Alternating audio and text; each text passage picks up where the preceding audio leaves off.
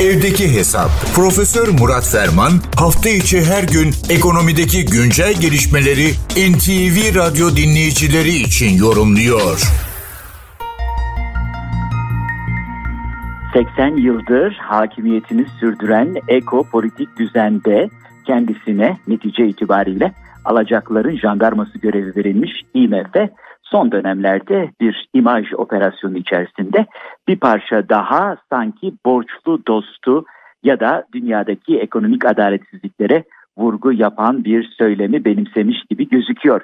İşte son başkan Kristalina Georgieva da bu geleneğin şimdiki sahibi veya üstlenicisi olarak karşımıza çıkıyor.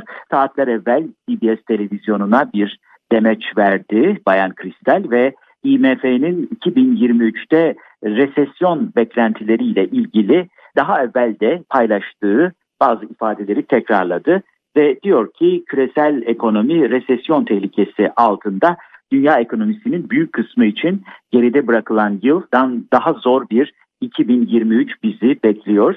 Buna sebep olarak da Amerika Birleşik Devletleri, Avrupa Birliği ve Çin gibi üç büyük ekonomideki yavaşlamayı gösteriyor ve diyor ki Fed'in bu enflasyonu mücadele, enflasyonla mücadele konusunda faiz artırımına devam etmesi bizlerin de hep vurguladığımız güçlü dolar sendromunu gündemde tutacak. Bu da işleri herkes için zorlaştıracak. AB'nin Avrupa Birliği'nin yarısı resesyona girecek. Çin ekonomisi için zor günler özellikle Covid meselesindeki politika, uygulama ve değişikliklerine dikkat çekiyor Bayan Kristal ve netice itibariyle e, Çin ekonomisinin de 2023'te zorluklarla kaim bir patikada yoluna devam edeceğini söylüyor.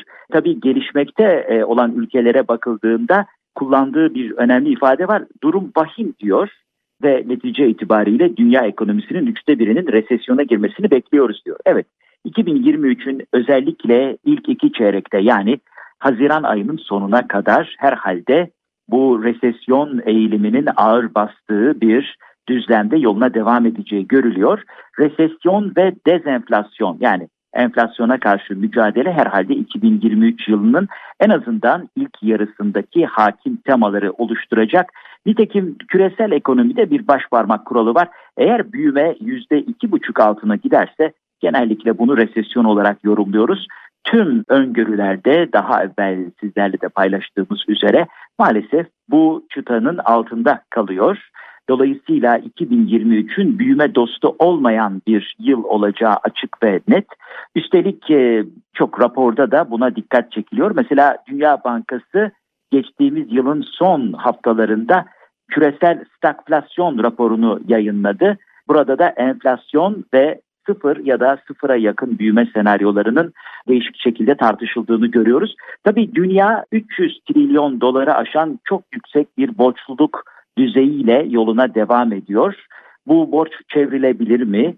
Bu borç çevrilemezse ve resesyon e, eğilimi yerine stagflasyona bırakırsa mevcut ekonomik düzenin tekrar sorgulanması dahi gündeme gelebilecek.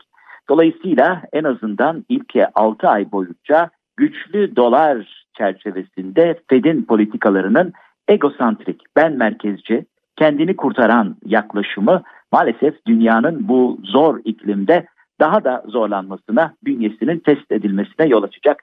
Belki de Kristal Hanım'ın işaret etmeye çalıştığı da bundan ibaret. Bakalım nasıl gelişmeler bizi bekleyecek. İhtiyatlı iyimserliğimizi bozmuyoruz ama riskleri önceden çalışmak her zaman zararı azaltır. Kontrolü de bir miktarda olsa arttırır. Bu genel bilgi paylaşımı ve değerlendirmeler çerçevesinde değerli dinleyenlerimize katma değeri yüksek ve yüksek katma değerli bir gün diliyor. Huzurlarınızdan hürmetlerle ayrılıyorum. Profesör Murat Ferman'la evdeki hesap sona erdi. Kaçırdığınız bölümleri www.ntvradio.com.tr adresinden dinleyebilirsiniz.